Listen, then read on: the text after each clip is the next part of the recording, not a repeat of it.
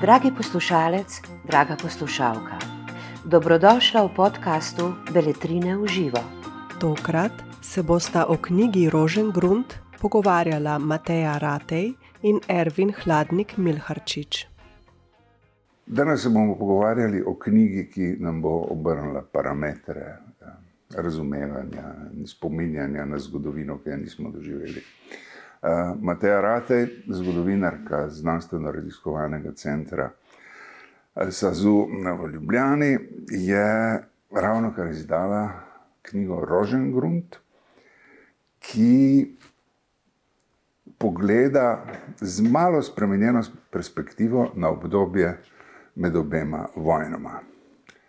Od tam smo navajeni uh, brati knjige o velikih junakih tega obdobja, ki so se uprli najprej eksploataciji in potem fašizmu.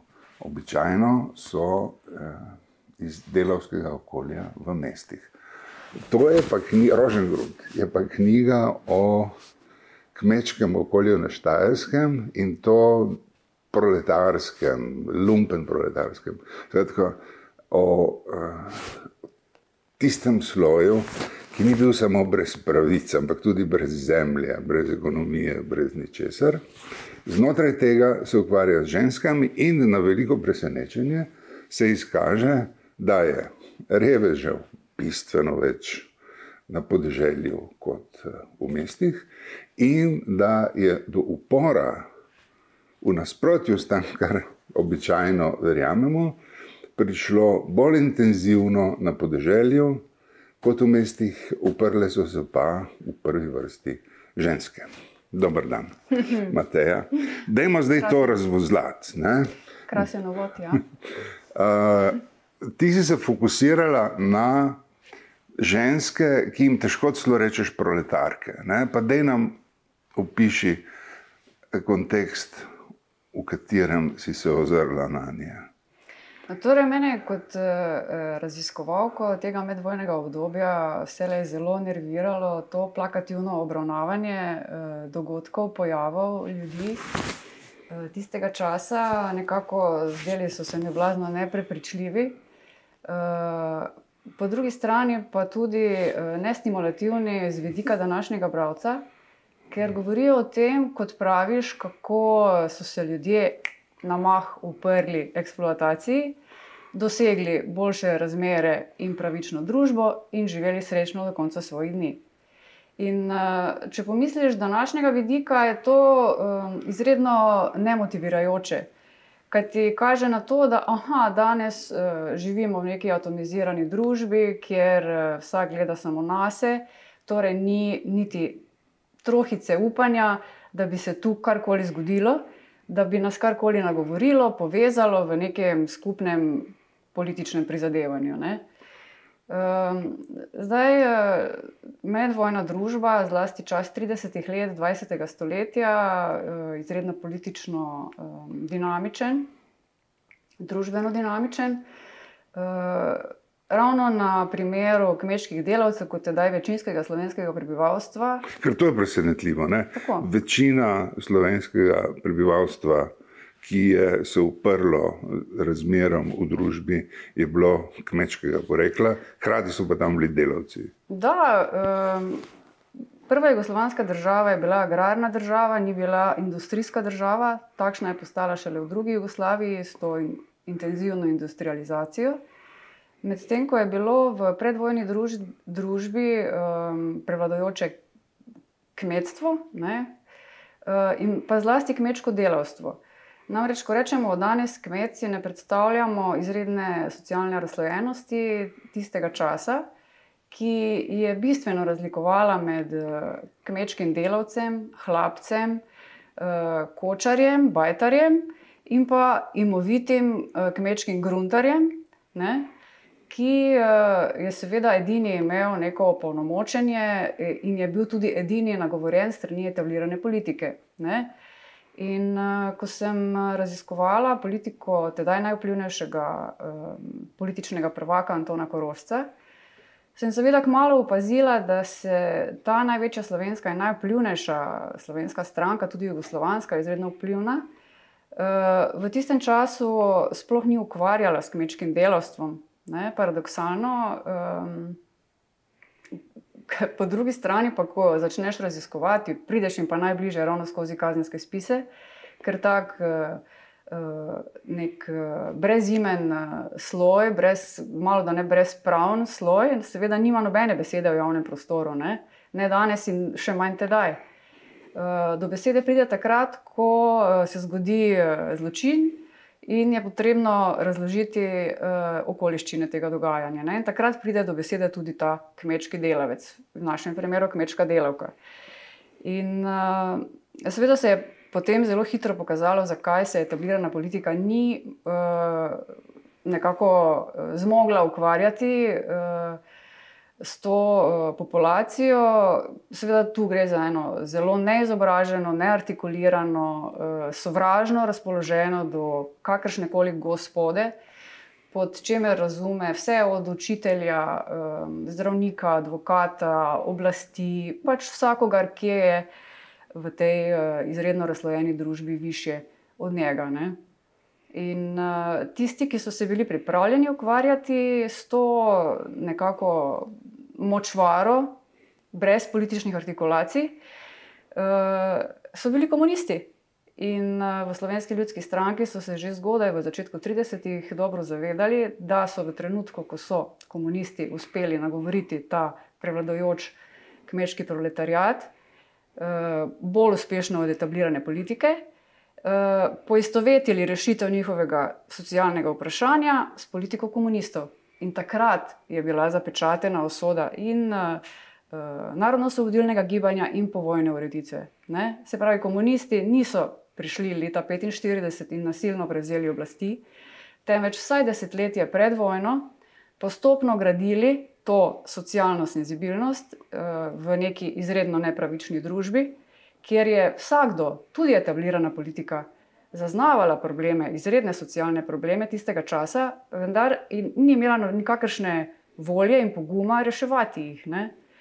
Um, nekaj podobnega se dogaja danes. Recimo, preden, preden pridemo sem.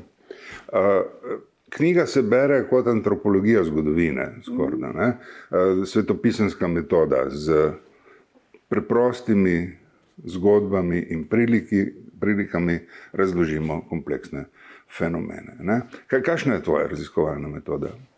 Ja, ravno skozi. Ker zgleda zelo strogo to, kar počneš. Ne? Ravno skozi biografije priti čim bližje razumevanju časa, dobe ne? in pač na tak način razgrniti družbo, zlasti pač medvojno družbo, s katero se jaz. Ampak kako se staviš biografijo? Ženske, ki se je branila pred spolnim nasiljem in je ubila nadlegovalca. Um, torej, že nekaj časa pač se najbolj posvečam ravno kazenskim spisom, ki se mi zdi najbolj prepričljivo razgrnajo te družbene patologije, ker ravno patologije pokažejo pravi obraz družbe, ne uh, politični nagovori politične elite. Ne, uh, in uh, skozi tak kazenski spis, seveda, uh, dobiš ne samo neko uradno dikcijo obdobja, ampak dobiš mentalitete, odnose, strahove, razumevanja. Vemo, da se uh, pomeni pojavov, pojmov v času spreminjajo. Ne? In kar v nekem času pomeni nacionalizem, ne pomeni enako v času med obema svetovnima vojnama. Ne? Eh, tako da uh, v tem kontekstu sem eh, seveda uh, zelo kmalo uh, opazila, da je izredno veliko kazenskih primerov, v katerih so udeležene ženske. In uh, ko sem jih odbrala, izbrala, uh, se je v naslednji fazi pokazalo, da gre v vseh primerih za kmečke delavke. Ne? Se pravi, imamo nek družbeni pojav. Ne? In uh, ne gre za neko posamično dejanje, poblaznele ženske, ne? ampak gre za neko družbeno dogajanje in uh, nek uh, podoben odziv na neko stanje. Ne?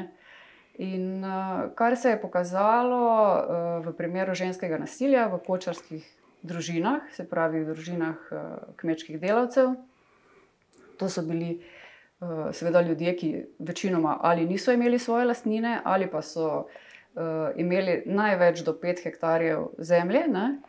večinoma na Štajerskem manj. To pa zato, ker je bilo to področje še iz časa Avstralske, med najrevnejšimi, zlasti ta Mariborska okolica, Ptujska okolica, Haloze, ne?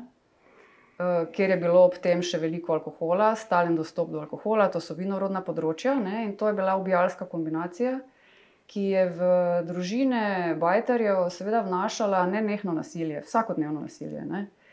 Ki so ga bile ženske večinoma pripravljene prenašati zaradi prevladojoče katoliške družbe. Ne. Um, do neke točke, seveda, lahko je trajalo 10, lahko je trajalo 20 let, ne. ko je pa na neki točki, seveda, prišlo do tega preobrata in je ženska um, se odločila narediti konec. Ne. Lahko da je bilo to v nekem hipnem, marsikatera pa je rekla, in takrat sem jaz začela razmišljati, da ne bo drugače, kot da se moža znebim. Ne, je povedala na sodišču. Ne. Druga kategorija žensk, ki so pod skrajnim nasiljem nad zakonskimi partnerji posegali, pa so bile um, mlade kmečke delavke, uh, hčere, um, seveda nekih kočarjev, ne, kjer je bilo običajno po deset otrok. Uh, in uh, v takih družinah so seveda uh, hčere še posebno težko napredovale, in so zaradi odsotnosti socialne mobilnosti. Ne, Namreč eh, katoliška družba, prevladujoča katoliška politika tistega časa se je zauzemala za socialno distanco, kar pomeni, delavec naj ostane delavec, kmet naj ostane kmet, ne? socialne mobilnosti skoraj da ni. Ne? In če je neka kmečka delavka želela nekako se izogniti temu, da postane uh, dekla, ne? popolnoma izkoriščena, brezpravna uh, oseba. Ne? uh, je poskušala svoj socialni položaj dvigniti z zločinom. Kako? Tako da se je poročila z mnogo starejšim vdovcem, gruntarjem, do 30 let starejšim, ne? potem pa s pomočjo svojega ljubimca ali pa s pomočjo eh, prijateljev iz koristoljubja spravila sveta, ne? da bi eh, tako postala gruntarica. Ne? Ker ji pač uh, družbene okoliščine niso omogočale drugačnega spona po družbeni lestvici. Ne? In to sta bili te dve uh, skupini uh, ljudi, in zdi se mi zelo dobro, da uh, ne izpostavljamo sedaj tu uh, žensk kot nekih žrtev. Ne? Ne, to, so, v tvoji knjigi so, so zelo dejavne družbe, v vseh, vseh pomenih. So tudi koristoljubne, so tudi zlobne, so tudi um, odvratne. Ne? In uh, samo to je pravo človeško bistvo. Ne? Ženska je človek kot vsak drugi. V knjigi najdemo različna prizorišča. No, najdemo kočarsko okolje, kot ga najdemo v slovenski literaturi, mm. en od klasičnih toponimov, ne? Ampak najdemo zapore, najdemo sodni govor, priznanja, obrambo in potem razsodbe, ampak najdemo tudi reakcijo v časopisih, da to ni bilo nekaj, kar bi bilo skrito. Ne? O tem se je govorilo javno in pisalo, uh, in kronika je, je vsa zabeležena. Ne? Kar par, par reči tukaj postane zanimivih. Ne? Najprej, uh, da vsi zapori niso bili enaki. Ne? Mhm. Uh, zapori za politične begunce so bili drugačni od ženskega zapora v begunjah. Recimo, Ampak ena od reči, ki preseneča, je to, da takrat sta bila crkva in njej najbližja ljudska stranka, politična monopolista Tako. v državi. Kako je mogoče, da so lahko spregledali, kako v družbi nastaja upor proti uh, zavezništvu politike in uh, organizirane religije. Niso spregledali, samo niso imeli mehanizmov, da bi to preprečili. Kaj je komunistično gibanje prepovedano že leta 1920, je strmo rastlo uh, z močno mednarodno povezanostjo. Uh, in ko je v, z nastopom gospodarske krize, ki je nekako v Jugoslavijo prišla v začetku 30-ih let, uspelo obrniti uh, to dikcijo v neko množično uh, gibanje, uh, tedaj ni bilo več poti nazaj. Ne? In to se je lepo videlo tudi uh, pri politični biografiji Antona Korošca, ki je v tistem času, konec 30-ih let, ko je njegova stranka na slovenskem pravzaprav vzpostavila enopartijski sistem. Se pravi, to niso bili komunisti po letu 1945, ampak že leta 1935 slovenska ljudska stranka, ki je imela uh, absolutno uh, politično premoč v slovenskem prostoru, v vseh porah družbe, od pravosodja, um, izobraževanja, uh, uh, torej, uh, policije in tako naprej. Um, kako je v tistem času postal, ga je zajela neka popolna letargija, ker se je zavedal, da poti nazaj ni. Zavedal se je, da prihaja vojna in da bodo v času vojne, seveda, komunisti edini zmožni prevzeti politično pobudo. Ne? In, uh, Tukaj antikomunizem dobi čisto neko drugo konotacijo, kateri si danes predstavljamo v času druge svetovne vojne. Ja, je zanimivo, da je današnji antikomunizem zelo podoben tistemu predvojnemu, kar, kar že samo po sebi govori o irrelevantnosti tega današnjega stanja, ker je anahronistično. Ne? Se pravi, ne nagovarja današnjih družbenih razmer, ampak posnema neke pretekle družbene dogajanja ki so veljala in funkcionirala v tistem času, danes pa so groteskna na nek način. Ne. Tako da danes so antikomunistični poziciji uh, desnega pola nekako uh, skoraj da ni izgubljati besed, ker ne nagovarja družbenih antagonizmov današnjega časa. Ne. V tistem času pa je seveda eh, antikomunizem bil prevladojoča, ena osrednjih eh, teh političnih osi, okrog katerih se je napletala politika Antona Korošca. Ne. Ampak, da ne bi dobili občutka, da, da je knjiga eh, politična analiza uh mhm. -huh. časa, ne, temelji na konkretnih biografijah Tako. žensk, ki so se znašle na sodišču in v zaporih. Ne.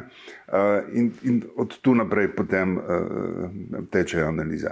A, katera od teh pripovedi ti je najljubša, katera biografija se ti zdi, da nekako reprezentira čas in probleme? Ja, se mi zdi, da me nekako vedno mersi berem in berem potek eh, dogajanja eh, v primeru Antonije Grdja. Njene motike. Tako, iz slovenskih goric, torej mladega dekleta iz kočarske družine, ne, ki eh, se je odločila na neki um, veničariji, uh, je bilo, kjer je bilo zbranih mnogo domačinov, ne, uh, pa je nek eden od njih uh, brez uh, pardona segal v njeno uh, oprsje, pa med nožje, pa, pa ga je nekaj časa odrinjala. Ne. Na to pa je uh, vzela motiko in jo tako kot Uma Turman ne, v Bil Kill Bill. Ne, uh, ga najprej odrinila s tem eh, štilom, ne, na to pa z eno roko obrnila to motiko in ga kresnila po glavi, in je bil mrtev. Um, jaz to zmer, vedno mer prebiram in prebiram svojim hčeram, uh, zato ker se mi zdi zadoščanje za tisoče drugih žensk, ki so in bile in so nadlegovane. Um, pa uh, se nič ne zgodi. Magmotika je radikalen odgovor in tudi prenese radikalne, radikalne konsekvence. Seveda. In uh, pač mene seveda najbolj uh, vznemirjajo v zgodovini in tudi sicer paradoksi. Ne? In uh, zmeraj uh, se spomnim, uh, ko si mi enkrat rekel, da je paradoks tisto največ, kar lahko narediš v enem človeškem življenju. Uh, Eh, to je eno od, eh, se mi zdi, kar mojih vodil postalo, odkar si to rekel, me je blazno, sem ponotranila to. In uh, seveda paradoks je, da ena Antonija, neizobražena, neartikulirana, groba, torej težko bi našel neko pozitivno človeško lasnost na njej. Ne? Uh, seveda, takšna ženska težko postane junakinja ženskega gibanja, uh, gibanja zelo uh, žensko emancipacijo, ampak uh, kaže nam pa ravno to, da so ženske tudi z nasiljem ali pa ravno z nasiljem najbolj širile svoj manevrski prostor v nekem družbenem prostoru. Kajti, če pomislimo, uh, okolje, iz katerega je izhajala, seveda ni bralo časnikov, ni bralo literature, uh, komaj da je bilo pismeno.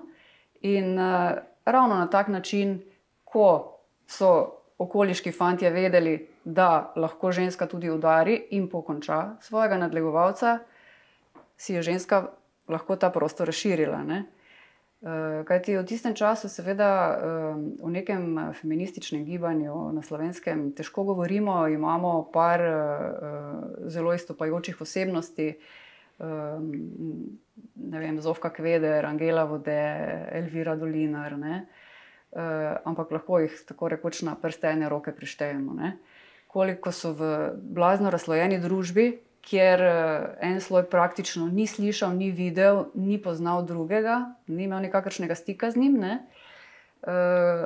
Seveda te dikcije, te um, politične uh, teme nikakor niso prišle do tega najnižjega sloja. Ne? In ravno v tem, uh, v teh okoliščinah se je izkazalo to terensko delo, ki ga danes toliko krat uh, nekako papagajsko ponavljamo, kot terensko delo političnih strank, češ pojdite na teren, pojdite na teren. Ne? No, to je bil ta teren. Ne? Oditi v uh, okoliščinah nekega medijskega mrka, ko ljudje niso imeli drugih možnosti spoznavanja nekih političnih artikulacij, odideš na teren in tam na uh, domu Bajtarju razložiš, zakaj bi se pa bilo smiselno boriti. Ne? Ker kaj je zanimivo in vidno tudi iz teh kazenskih spisov, je, da ti ljudje niso prepoznali svojega položaja v družbi. Ampak so mislili, da so si za svoj slab položaj krivi sami. In, uh, no, to so jih prepričevali tudi institucije. Tako, seveda. Od papeža do občinskega tako, tako. zapisovalca in, dogodkov. In, in eden od teh mož lepo reče ženi: Ti si kriva za naš slab položaj, ker kar naprej rojevaš otroke. Zdaj, ti si kriva. Ama, pogled, danes je skoraj nezamisljivo razpravljati o zgodovini eh, brez. Uh, boja za ženske pravice in za enakopravnost spolov. Ne? Eh, kje je geneza uh, takšnega razumevanja zgodovine? Ostaje v slovenščini misterij. Za, za Veliko Britanijo vemo, da pač uh mhm. -huh. nekje pri sufražetkah je prišlo do uh, samorazumevanja, ki je pripeljalo do boja, ki je bil tudi nasilen. Ja. Tam prav posebne nežnosti ni bilo v družbeni komunikaciji. Ampak kje pa, ampak tle nekje med tvojimi zgodbami je geneza uh, ženskega gibanja v slovenščini, mm -hmm. ki je sicer zapisano pri Angeli Vode in, in, in drugih, ampak uh, v resnici je, je, je dosti širše od uh, intelektualnih krogov in, in mogoče višjega srednjega razreda, kjer so prišli do istih sklepov uh, kot uh, Antonija, -hmm. svojo motiko, da se je treba upreti okoliščinam. Mm -hmm. kje, kje ti zaznaš eh, genezo? Mm -hmm. Um, torej, te uh, meščanske, večinoma ženske, ne, in meščansko je tedaj res pomenilo pač, uh, nekaj povsem drugačno življenje ne, od življenja nekega kmeta, kmečke ženske, kmečke delavke. Ne. In uh, zato ni slučajno, da je bila tudi politika zgrajena na politiki mesta, kjer so bili liberalci, in politiki vasi, kjer je bila slovenska ljudska stranka. Ne ta, eh, to razlikovanje med eh, tema dvema svetovoma je bilo potem tudi politično močno zakoličeno. Ne? In seveda te uh, izobražene uh, meščanske ženske so seveda te feministične vzore iskale iz tujine, medtem ko uh, je pa med uh, kmečkim delavstvom in pa kmetstvom seveda bi težko rekli, da je v tistem času se kaj takega pojavljalo, je pa prišlo skupaj z komunistično artikulacijo boja za socialno enakost, se pravi za normo enakosti, v okviru katerega so komunisti prištevali tudi, seveda, boj za žensko enakopravnost in enakovredno vključenost žensk v javno življenje. Ne? Zanimivo je, ker si predstavljamo danes, kako so seveda potem ženske uh, si oddahnile po drugi svetovni vojni, zdaj smo pa osvobojene, ne? zdaj pa lahko volimo, zdaj pa lahko hodimo v službe, ker imamo vrtce, ker imamo eh, skrbstvo za ostarele, s čimer so se prej pretežno ukvarjale. Ne? Eh, čemor pa seveda ni bilo tako. Ne? Temveč so si ženske, ko je bilo vojne konec, ženske so bile vajene patriarhata ne? in uh, so si želele vrnitve te stare normalnosti. Ne?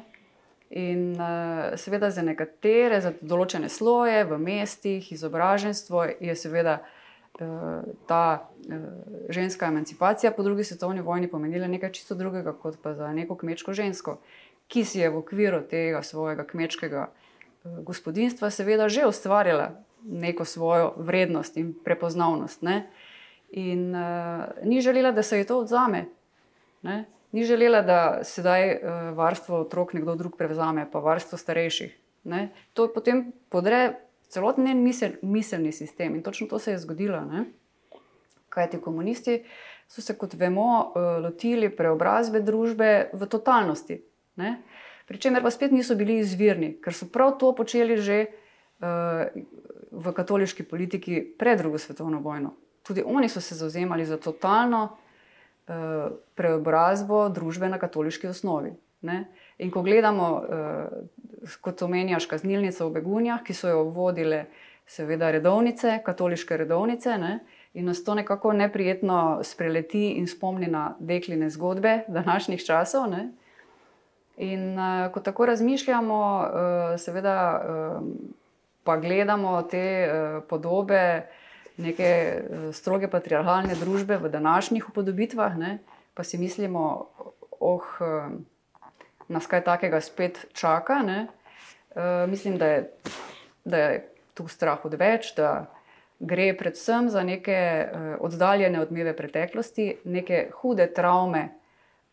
Ženske populacije, ki niso bile nikoli do kraja izpovedane, ali pa sploh ne. ne.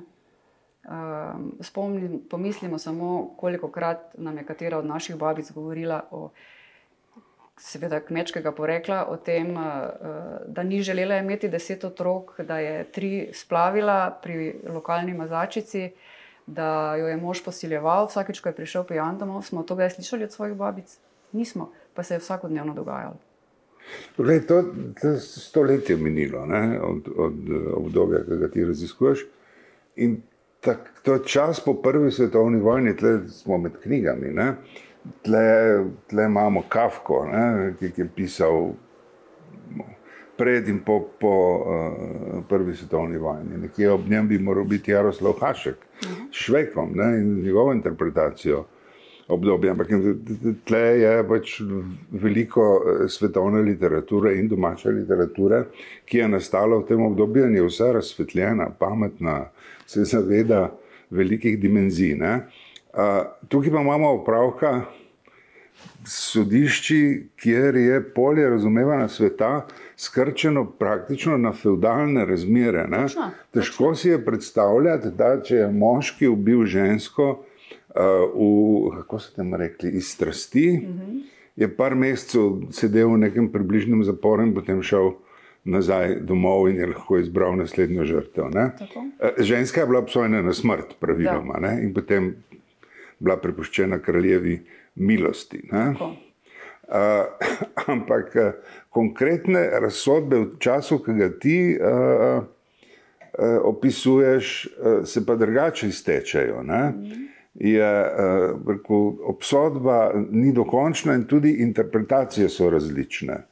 Pri Antoni, recimo, se župan, se mi zdi, če, sem, če se prav spomnim, uh, zauzame za, za, za njeno usodo, ki je tudi advokat. Ne, pri drugih je podobno. Skratka, ni, uh, upor ni, ne pomeni definitivnega pokončanja tudi, uh, tudi storilke. Ne. Kako naj to razumemo? Uh, ja, drži, ženske so bile večinoma obsojene na vešala, ne, se pravi smrt na vislicah. Uh, prva Jugoslavija, kazenski zakonnik, pozna smrtno kazen. Ne. Uh, in uh, tam v 20 letih je veljal še avstralski kazenski zakonnik, kjer so sploh, uh, ki feudalen, tako, kjer so sploh uh, bile strožje obsojene ženske kot storilke zločinov nad zakonskimi partnerji. Eh, po letu 1929, ko pa je začel veljati jugoslovanski kazenski zakonik, pa tudi so bile obsojene na smrt, vendar potem, kot praviš, ponavadi s kraljevo pomilostitvijo obsojene na dolgotrajne zaporne kazni. Uh, Antonija je bila mlada, dobila je samo dve leti kazni, to je bilo bolj uh, izjema kot pravilo. Je pa v tem primeru zanimiva ta dikcija odvetnika, ki je bil hkrati uh, pomemben štajerski funkcionar Slovenske ljudske stranke in uh, ki blazno lepo razpre to uh, oblastno uh, dikcijo skozi to, ta nagovor uh, advokata um, pred koncem sojenja in pravi: uh, Pomislite, temu dekletu je bilo vzeto njeno najvišje dobro. Ne? Tako mila, mlada, in tako naprej. Se pravi, nič ni imelo stika s to Antonijo, ne, ker Antonija ni bila nič od tega. Ne. Potem reče ta zadnji udarec, ne, pomislite, da se kaj takega zgodi vašim sinovom in hčeram. Ne. In ko nam nekdo z oblastnih pozicij uh, nekako bledi pogled z našimi sinovi in hčerami, takrat bodimo zelo pozorni, ker vemo, da bomo slejko prej oblastno zlorabljeni ne. ali pa da smo v oblastni pasti. Tukaj bova končala in bova bravcem prepustila, da sami pogledajo v knjigo. Rožen grunt je naslov, ukvarja se z ženskim nasiljem med obema vojnama, fantastična tema. Išla je pri Beletrini in bo vsak čas v vaših rokah. Najlepša hvala, to je Mateja Ratej, raziskovalka, zgodovinarka z ZRC SAZU, znanstveno-raziskovalnega centra. Erve, najlepša hvala, bilo mi je čast. Ja hvala tebi, meni včasih. Pa lep dan. Najlepša hvala za vašo pozornost. Za več knjižnih vsebin vas vabimo na www.beletrina.si in v našo knjigarno na Starem trgu 3 v Ljubljani.